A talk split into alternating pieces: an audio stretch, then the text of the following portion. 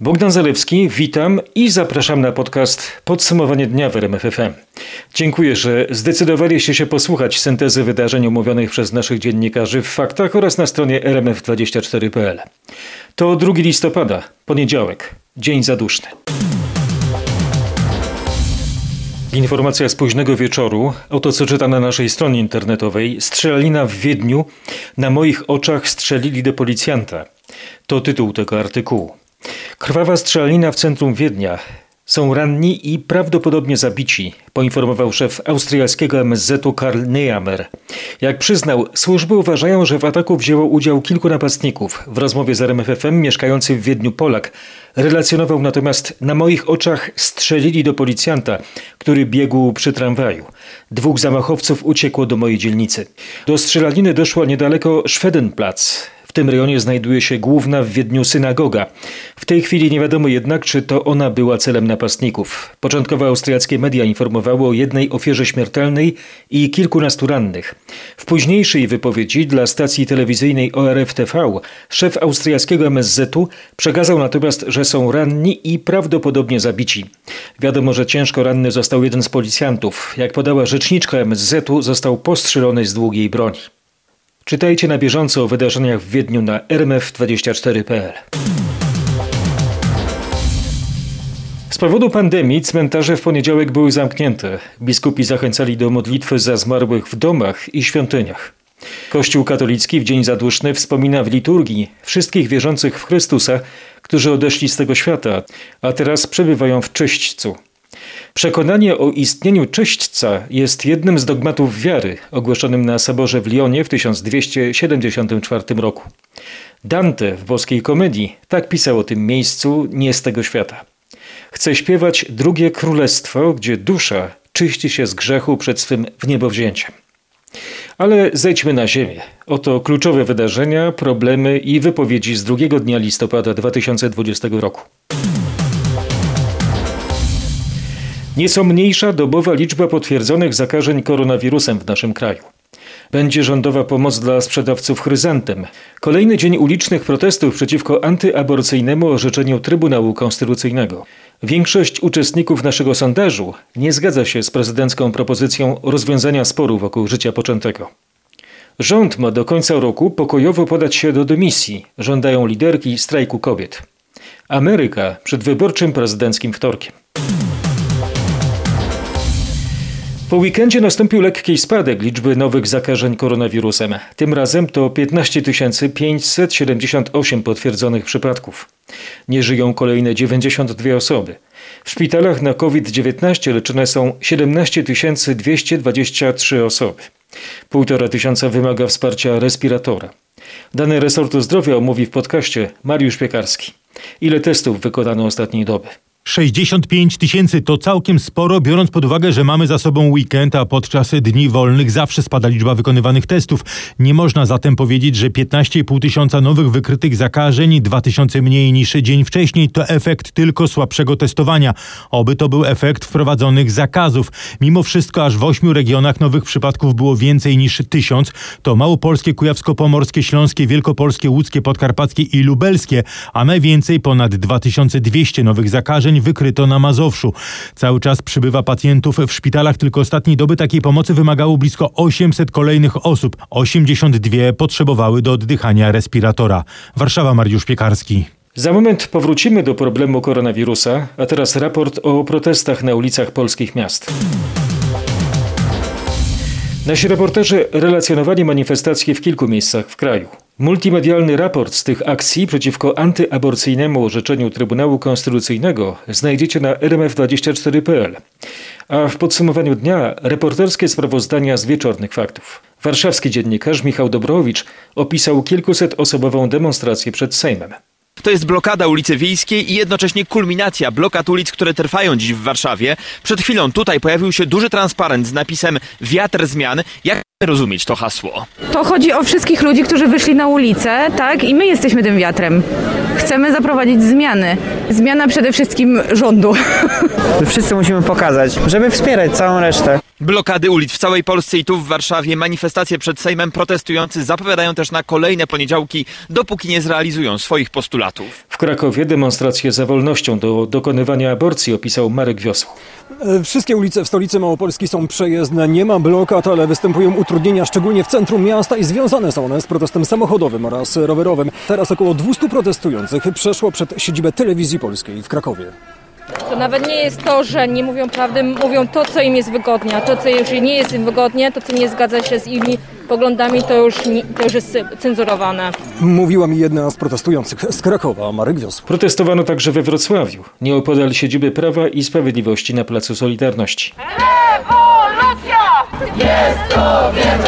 Jestem młodą kobietą i nie pozwolę sobie, żeby żyć w kraju, który mnie ogranicza. Turcja wygrała, my też wygramy. grupa ludzi starszych facetów nie może decydować za, za młode kobiety. Generalnie bardzo mnie to smuci, że jakby w dalszym ciągu rząd nie ma nam tak naprawdę nic do zaproponowania. Mam wrażenie, że podchodzi do nas na zasadzie zmęczenia materiału. Myślę, że jak nie wymusimy tego w ten sposób, to no nic z tego znowu nie wyjdzie. Wygląda na to, że w protestach nie chodzi już tylko o aborcyjną wolność wyboru. Rząd ma do końca roku pokojowo podać się do dymisji. To jeden z czołowych postulatów strajku kobiet. A co jeśli tak się nie stanie?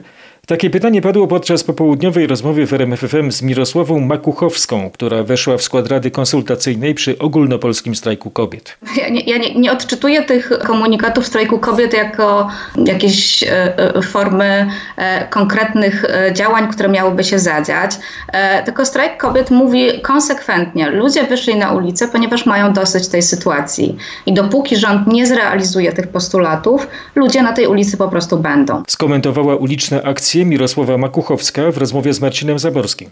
Całą rozmowę znajdziecie na rmf24.pl. Za chwilę w podcaście poruszę sprawę zapowiadanego Marszu Niepodległości 11 listopada. Szykuje się nowy problem w stolicy. A na razie pozostańmy jeszcze przy fundamentalnym sporze prawo kobiety do aborcji, a prawo dziecka do życia.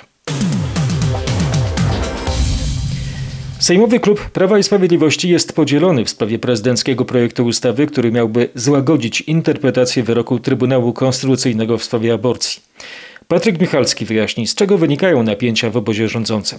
Najbardziej konserwatywni posłowie Zjednoczonej Prawicy mówią nieoficjalnie, że projekt prezydenta to próba obchodzenia wyroku Trybunału. Jak dodają, to niekonstytucyjna propozycja polityczna, a nie prawna. Janusz Kowalski z Solidarnej Polski zapowiedział, że nie poprze prezydenckiej propozycji ani żadnej innej, która niuansowałaby orzeczenie, zanim mogą pójść kolejni posłowie Zbigniewa Ziobry. Pomysł Andrzeja Dudy nie budzi też szczególnego entuzjazmu wśród posłów, którzy podpisali się pod wnioskiem do Trybunału Konstytucyjnego. Nie chcemy się wycofywać, mówią mi w kuluarach. Część z nich dodaje jednak, że prezydencki projekt wymaga doprecyzowania, tak żeby ewentualna aborcja ze względu na ciężkie wady płodu była możliwa tylko wtedy, jeśli pewne jest, że dziecko umrze maksymalnie kilka godzin po urodzeniu. Zdecydowana większość Polaków jest przeciwko prezydenckiej inicjatywie zmiany przepisów aborcyjnych. Ponad 60% respondentów sondaży United Surveys dla dziennika Gazety Prawnej i RMFFM nie zgadza się z propozycją Andrzeja Dudy. W podsumowaniu dnia Krzysztof Zasada. Zdecydowanie przeciwko jest ponad 36% badanych, raczej przeciwko 24,5%, raczej popiera to rozwiązanie 20,5%, a zdecydowanie 9%. Z grubsza w podobny sposób odpowiadały i kobiety, i mężczyźni. Natomiast ciekawie wygląda analiza ocen prezydenckiej inicjatywy powiązana z preferencjami politycznymi. Najwięcej przeciwników pomysłu jest wśród wyborców Koalicji Obywatelskiej 79%, natomiast wśród zwolenników lewicy tylko 72%. Co ciekawe, jedynie 53% wyborców PiS zgadza się z prezydentem, przeciwnych jest 37%. Trzeba jednak pamiętać, że wśród nich mogą być i tacy, którzy nie dopuszczają żadnych odstępstw od orzeczenia Trybunału. Krzysztof Zasada analizował wyniki sondażu, które znajdziecie na rmf24.pl. Przypomnę, prezydent Andrzej Duda przygotował ustawowe rozwiązanie dotyczące aborcji. Prezydent proponuje możliwość przerywania ciąży w przypadku wysokiego prawdopodobieństwa, że dziecko urodzi się martwe lub z wadą prowadzącą do śmierci. Sprzedawcy chryzantem dostaną od rządu maksymalnie 11 zł rekompensaty za każdą doniczkę chryzantem, ujawniła w rozmowie z RMFFM wiceminister rolnictwa Anna Gębicka. Mamy nadzieję, że, że ta stawka faktycznie będzie, e, będzie w jakiś sposób zadowalająca dla, dla tych e, osób, które z powodu zamknięcia cmentarzy niestety będą miały w tym roku niższe obroty. Osobna rekompensata ma przysługiwać za kwiaty cięte. Krzysztof Brenda wyjaśni, na jakiej podstawie rząd ustalił tę kwotę. Wielu sprzedawców jest z niej niezadowolonych. Jak tłumaczy Ministerstwo Rolnictwa, po prostu wzięto pod uwagę ceny w hurtowniach, zapominając o tym, że jak już sprzedawca cmentarny kupi te kwiaty w hurtowni, to musi jeszcze opłacić transport, zapłacić za zatrudnienie pomocników, za miejsce na swój stragan, czasem trzeba spłacić kredyt, a na koniec dobrze jakby starczyło na opłacenie ZUS-u i na drobną pensję dla wspomnianego sprzedawcy. Rządowe rekompensaty tego zupełnie nie uwzględniają. Jak przedsiębiorcy z branży około cmentarnej mają starać się o tej rekompensaty? Trzeba będzie do piątku złożyć wniosek do powiatowego kierownika Agencji Restrukturyzacji i Modernizacji Rolnictwa. Na pieniądze, jak informuje resort rolnictwa, mogą liczyć zarówno sprzedawcy przy cmentarnych bramach, jak i hurtownicy oraz producenci. Wszyscy, których biznesy padły ofiarą zamknięcia cmentarzy na wszystkich świętych. Ministerstwo zapewnia, że rekompensaty będą dotyczyły zarówno kwiatów doniczkowych, jak i ciętych. Tu robimy cięcie, jak w filmie, bo teraz w naszym reporterskim kadrze bulwersująca sprawa z Małopolski. Nie żyje kobieta, która zasłabła na ulicy w Oświęcimiu. Zawiadomiono pogotowie, ale nie było żadnej wolnej karetki. W podcaście ponownie Marek Wiosło. Jak potwierdzają służby na ulicy Czecha w Oświęcimiu, zasłabła 65-letnia kobieta.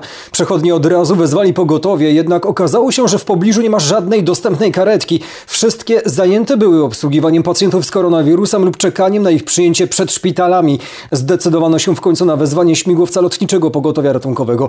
W tym czasie reanimacji podjęli się przechodnie oraz strażacy, którzy przybyli na miejsce. Niestety kobiet nie udało się uratować. Od miejsca, w którym zasłabła kobieta do szpitala jest niecałe półtora kilometra. Dodatkowych 10 respiratorów będzie dostępnych dla chorych na COVID na Podlasiu. Nie będą to jednak nowe urządzenia, a przesunięte z oddziałów dla chorych bez koronawirusa, oświadczył wojewoda podlaski Bogdan Paszkowski. Te respiratory na terenie naszego województwa są. Mówię tutaj o sprzęcie, funkcjonują w szpitalach, natomiast trzeba je po prostu powydzielać na rzecz pacjentów z COVID-em. Nie ma obawy, że jak się przesunie te respiratory, to zabraknie ich w innym miejscu? Staramy się tutaj tą sytuację zrównoważyć, a mianowicie tak, aby zabezpieczyć zarówno potrzeby w tym zakresie pacjentów, którzy nie są zakażeni koronawirusem, ale musimy mieć świadomość, że musimy rozszerzać bazę łóżkową i respiratorową na rzecz pacjentów covidowskich. Z wojewodą podlaskim rozmawiał nasz reporter Piotr Bułakowski. Za trzy tygodnie ma być gotowy tymczasowy szpital w Międzynarodowym Centrum Kongresowym w Katowicach. Będzie w nim pół tysiąca łóżek dla pacjentów z koronawirusem, w tym 100 respiratorowych. Anna Kropaczek dopytywała, co z kadrą. Rozpoczęła się rekrutacja. Na specjalnej stronie internetowej Szpital dla Śląska pojawiło się ogłoszenie o poszukiwaniu m.in. lekarzy, pielęgniarek, sanitariuszy czy opiekunów medycznych. Z informacji przekazanych przez dyrektora szpitala MSWiA w Katowicach, który odpowiada za przygotowanie szpitala tymczasowego, wynika, że zgłosiło się na razie ponad 140 medyków. Przy założeniu, że szpital będzie w pełni obłożony, potrzebnych jest w sumie około 450 pielęgniarek i 150 lekarzy. Sprzęt do szpitala tymczasowego tymczasowego, m.in. respiratory, kardiomonitory, USG czy tomograf, ma pochodzić z Agencji Rezerw Materiałowych. Nieludzka rzeczywistość. Jesteś w izolatce, odgrodzony od świata. Mówi w RMFFM Igor Zalewski, który przeszedł koronawirusa. Dziennikarz trafił do szpitala zakaźnego na warszawskiej woli. I odwiedzają ci tylko jakieś dziwne istoty w takich kosmicznych... No tak, kosmici rzeczywiście, tak? Sam... Mhm twarzy nie jesteś w stanie e, zauważyć. Pościel, w której leżysz, jest plastikowa. E, to jest. To otoczenie jest strasznie nieludzkie. I tym bardziej człowieczeństwo ludzi, którzy się tą zajmują, no robi wrażenie. Całą rozmowę Roberta Mazurka z publicystą Igorem Zalewskim możecie obejrzeć na rmf24.pl.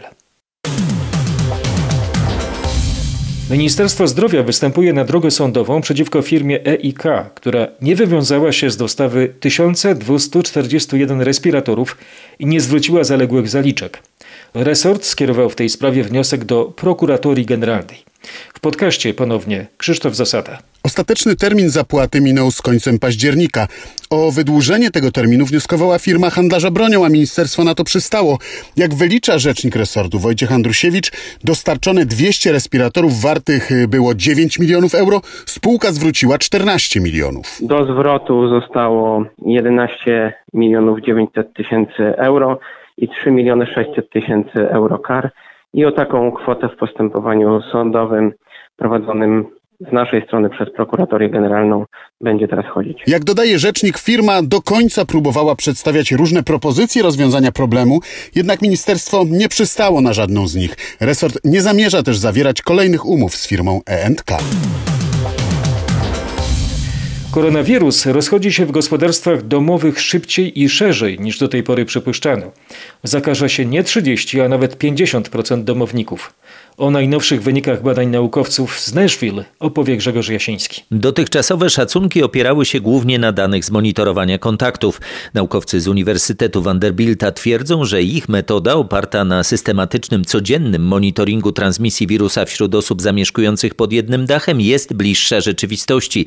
Ich zdaniem od jednej osoby zakaże się przeciętnie 51% domowników. Do 75% tych zakażeń dochodzi przy tym w ciągu 5 dni od pojawienia się pierwszych objawów, niezależnie od tego, czy dotyczyły dziecka czy osoby dorosłej. Ponad połowa zakażonych nie ma przy tym objawów. Zdaniem autorów pracy samoizolacja i kwarantanna domowników ma dla zmniejszenia ryzyka dalszej transmisji wirusa znaczenie kluczowe. Grzegorz napisał na ten temat artykuł. Przeczytajcie ten tekst na rmf24.pl.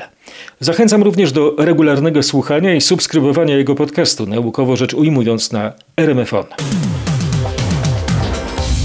Poniedziałek był pierwszym dniem lockdownu w Niemczech. Ze względu na wzrost zachorowań na COVID-19 nasi zachodni sąsiedzi zdecydowali się zamknąć te dziedziny gospodarki, które sprzyjają gromadzeniu i przemieszczaniu się ludzi. Nie działa gastronomia, obiekty sportowe, rekomendowana jest praca zdalna. Aneta Łuczkowska opowie bardziej szczegółowo, co jest czynne, a co nie. Działają salony fryzjerskie, szkoły i przedszkola i sklepy, choć z ograniczeniem liczby klientów na metr kwadratowy. Restauracje, tak jak u nas, oferują posiłki na wynos. Od dziś obiekty hotelarskie nie przyjmują turystów. Ci, którzy wykupili pobyt, mają w zależności od landu nawet kilka dni na powrót do domów. Są ograniczenia w liczbie spotykających się osób, maksymalnie 10 osób z dwóch gospodarstw domowych. Zamknięte są teatry, sauny, szkoły tańca. W części landów działać mogą za to ogrody zoologiczne. Niemcy wprowadzają też szybkie testy na koronawirusa w szpitalach i placówkach dla starszych i niepełnosprawnych. W Irlandii powstają nielegalne puby. Półtora tygodnia temu na północy wyspy, w Ulsterze, wprowadzono lockdown. Podobnie sytuacja wygląda na południu, w Republice. O restrykcjach i omijaniu obostrzeń na Zielonej Wyspie opowie Bogdan Frymorgan. Od tego czasu wprowadzono dodatkowe obostrzenia zezwalające sklepom na sprzedaż alkoholu tylko do godziny 20. Jak donoszą brytyjskie media, na Zielonej Wyspie zaczęły powstawać nielegalne piwiarnie, często stworzone prowizorycznie, bez przestrzegania jakichkolwiek środków bezpieczeństwa związanych z pandemią. Policja interweniowała już kilkakrotnie w takich przypadkach, także w Republice Irlandii, gdzie obowiązuje ostry lockdown. Innym niepokojącym procederem staje się sprzedaż alkoholu na tak zwany telefon, prosto z bagażnika samochodu, który na zamówienie podjeżdża pod wskazany adres. Pod specjalnym antyterrorystycznym nadzorem francuskie szkoły wznowiły działalność po feriach związanych z Dniem Wszystkich Świętych. Placówki edukacyjne są chronione przez policyjne i wojskowe patrole w obawie przed atakami islamskich ekstremistów. W podsumowaniu dnia Marek Gładysz. Szef MSW Gerald Darmanin zapewnił, że francuskim służbom nie są znane konkretne plany ataków na szkoły, ale eksperci mimo wszystko się ich obawiają, bo od dłuższego czasu do tego typu akcji nawołuje państwo islamskie i inne muzułmańskie organizacje terrorystyczne. Część z tych organizacji wyraziła zadowolenie po tym, jak ponad dwa tygodnie temu 18-letni czeczeński islamski ekstremista odciął głowę nauczycielowi historii, który w jednej z podwarskich szkół podstawowych pokazał uczniom karykaturę Mahometa w czasie lekcji poświęconej wolności słowa i swobodzie wyrażania opinii. Dzisiaj we wszystkich francuskich szkołach uczczono jego pamięć minutą ciszy. Amerykanie zdecydują we wtorek, kto zostanie prezydentem Stanów Zjednoczonych, czyja wizja Ameryki wygra. Kontynuacja Ameryka przede wszystkim Donalda Trumpa, czy powrót USA do dialogu z innymi państwami, co proponuje Joe Biden. Paweł Żuchowski już tworzy dla Was specjalny raport na rmf24.pl. Wybory prezydenta USA 2020. A w podsumowaniu dnia przekażę najważniejsze informacje z poniedziałku. Najpierw, kto ma większe szanse na wygraną? Według sondaży Joe Biden, ale sondaże wskazują też, że wybierając prezydenta Amerykanie będą w większym stopniu zwracać uwagę na to, kto co oferuje, by poprawić stan gospodarki.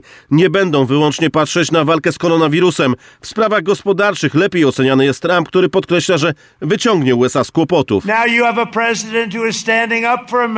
Na polu gospodarki Trump cieszy się wysokim poparciem 55% wyborców. Wyzwaniem pozostaje dla niego jednak to, że aż 57% Amerykanów źle ocenia to, jak zarządza odpowiedzią państwa na epidemię, co mocno podkreśla i wykorzystuje Joe Biden. Joe Biden przekonuje, że to najważniejsze wybory i czas pożegnać Donalda Trumpa. Właściciele sklepów i firm w pobliżu Białego Domu przygotowują się już do wyborczej nocy, która może przerodzić się w zamieszki. Oto, co dzieje się w okolicy rezydencji prezydenta USA. Wszystkie witryny i okna zabijane są deskami. Wygląda to tak, jakby za chwilę miał tu nadciągnąć huragan. Służby obawiają się wybuchu zamieszek. Może dojść do starć zwolenników i przeciwników kandydatów. Podobnie jest nie tylko tu w Waszyngtonie. Witryny zabijane są deskami także na Manhattanie, w Nowym Jorku czy w Los Angeles. Walmart usunął ze sklepowych półek broń. Trafiła ona do magazynów. To w obawie przed plądrowaniem sklepów po ewentualnym wybuchu zamieszek. Służby w USA postawione są w stan gotowości. Społeczeństwo amerykańskie jest bardzo podzielone. Jeszcze nigdy tak nie przygotowywano się do wyborczej nocy. Już mamy zamieszanie w Teksasie. Republikanie chcą unieważnienia ponad 100 tysięcy głosów. Twierdzą, że ich uwzględnienie byłoby sprzeczne z konstytucją. Chodzi o hrabstwo Harris, które w 2016 roku opowiedziało się w większości za kandydatką demokratów Hillary Clinton. W tym roku nastroje są podobne i można założyć, że mieszkańcy tej części Teksasu głosują na Joe Bidena. W ramach wczesnego głosowania dopuszczano tam lokale drive-thru. Głosowano nie wychodząc z samochodu. Teraz lokalni działacze Partii Republikańskiej uważają, że dopuszczono do tego z pogwałceniem mm, konstytucji. Jutro sąd może zdecydować o unieważnieniu 125 tysięcy głosów. Przy tak wyrównanej walce, gdzie mówi się nawet, że Biden może odbić republikanom Teksas, unieważnienie tych głosów może mm, pogrzebać taką szansę. Wyborcy musieliby ponownie pojawić się w lokalach, ale nikt nie wie, czy by to ponownie zrobili. W Teksasie są do wzięcia aż 34 głosy elektorskie. Wygrana w tym stanie może mieć znaczenie dla rozstrzygnięcia całych wyborów. Ameryka z bliska to podcast Pawła Żuchowskiego na RMFON, a relacje i filmy naszego dziennikarza z łatwością znajdziecie na rmf24.pl. Paweł najlepiej przybliży Wam Stany Zjednoczone w tym gorącym czasie dla tego kraju. A teraz z Waszyngtonu wracamy do naszej stolicy w podsumowaniu dnia. Stołeczny ratusz rozważa wydanie zakazu organizacji Marszu Niepodległości w Warszawie. Dowiedział się nieoficjalnie dziennikarz RMFFM Michał Dobrołowicz. Tymczasem ze stanowiska wydanego w poniedziałek przez organizatorów tego wydarzenia wynika, że planują oni organizację marszu 11 listopada o 14, mimo aktualnych obostrzeń. Przekonują, że jest to wydarzenie cykliczne i mogą je zorganizować. Kiedy może zapaść decyzja o ewentualnym zakazie? Dopiero za tydzień, tuż przed 11 listopada, do tej pory, jak ustaliłem, do warszawskiego ratusza wpłynęło jedno zgłoszenie dotyczące marszu na Święto Niepodległości na 150 osób. Było to jednak jeszcze przed objęciem stolicy czerwoną strefą. Warszawski ratusz zapowiada, że gdy pojawią się nowe zgłoszenia, decyzje będą podejmowane zgodnie z aktualnymi przepisami, czyli dozwolone będzie zgromadzenie z maksymalnie pięcioma uczestnikami. A jeśli 11 listopada rozpocznie się spontaniczna demonstracja, możliwa będzie interwencja policji.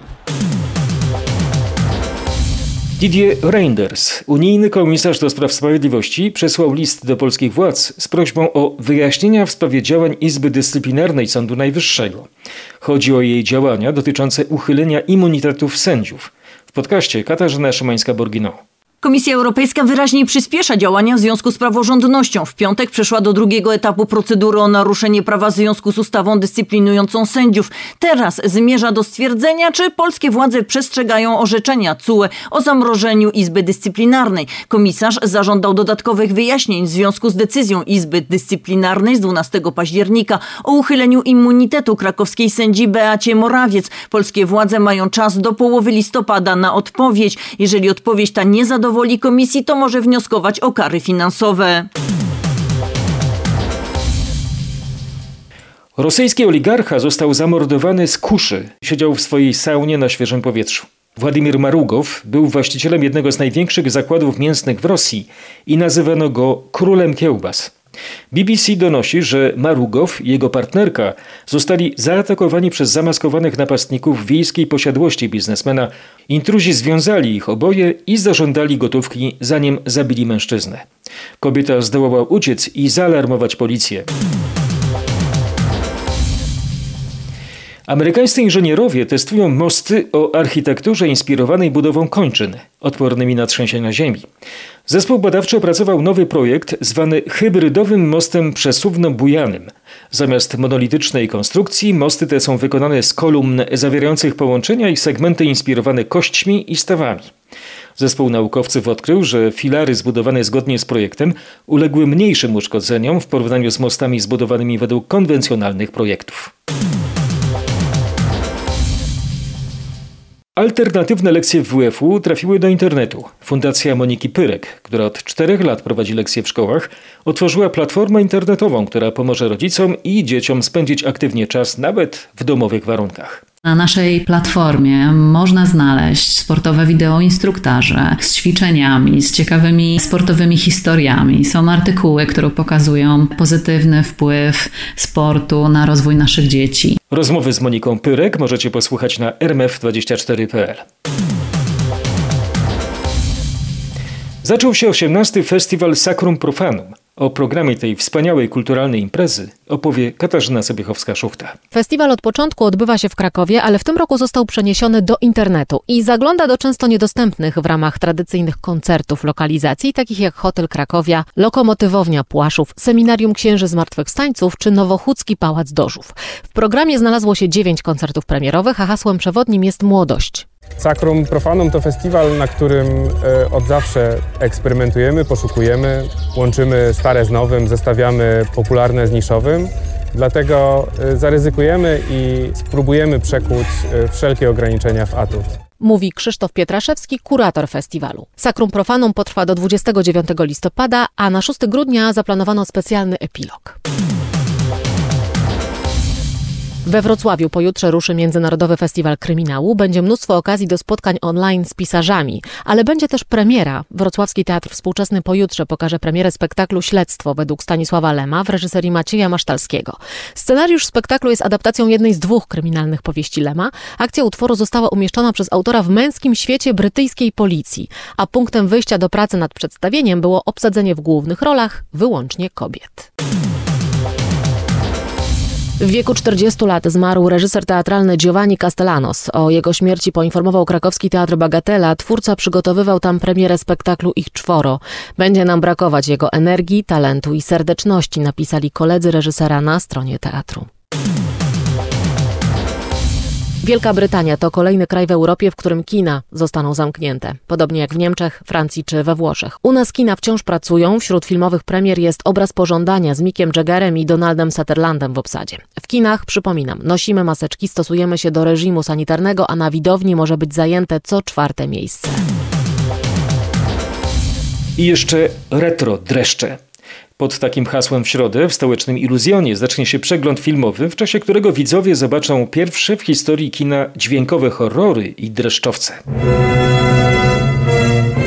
Głośne horrory sprzed prawie 90 lat na stałe utrwaliły w kulturze masowej takie postacie jak Frankenstein, Dracula czy Mumia. Wiele było kontynuacji, przeróbek, nowych wersji, ale te pierwsze przerażają do dziś, wciąż zdumiewają efektami specjalnymi i to dzięki nim do legendy przeszli od twórcy ról potworów z lat 30. Bela Lugosi czy Boris Karloff. W programie przeglądu są także filmy Dr. Jekyll i Mr. Hyde, Wampir czy Dziwolągi. Seanse w stołecznym Iluzjonie odbywać się będą z lektorem na żywo. Filmy można oglądać do 17 listopada. A teraz pełgające światło, rzucające niepokojące cienie, Nie, nie, to nie horror. To bardzo radosna wiadomość. Polska świecową potęgą. Według raportu Eurostatu ponad 40% produkowanych w całej Unii Europejskiej świec wytwarzanych jest w Polsce. Produkcja warta jest 2 miliardy 800 milionów złotych rocznie, czyli niemal 620 milionów euro, z czego na eksport e, trafiły w 2019 roku świece za 545 milionów euro. Tak dobrych informacji ostatnio ze świecą szukać. Bardzo się zapaliłem, żeby wam o tym powiedzieć na koniec. Gorąco was pozdrawiam. Bogdan Zarewski. To było podsumowanie dnia w RMF FM. We wtorek też tu będę. Bądźcie zdrowi.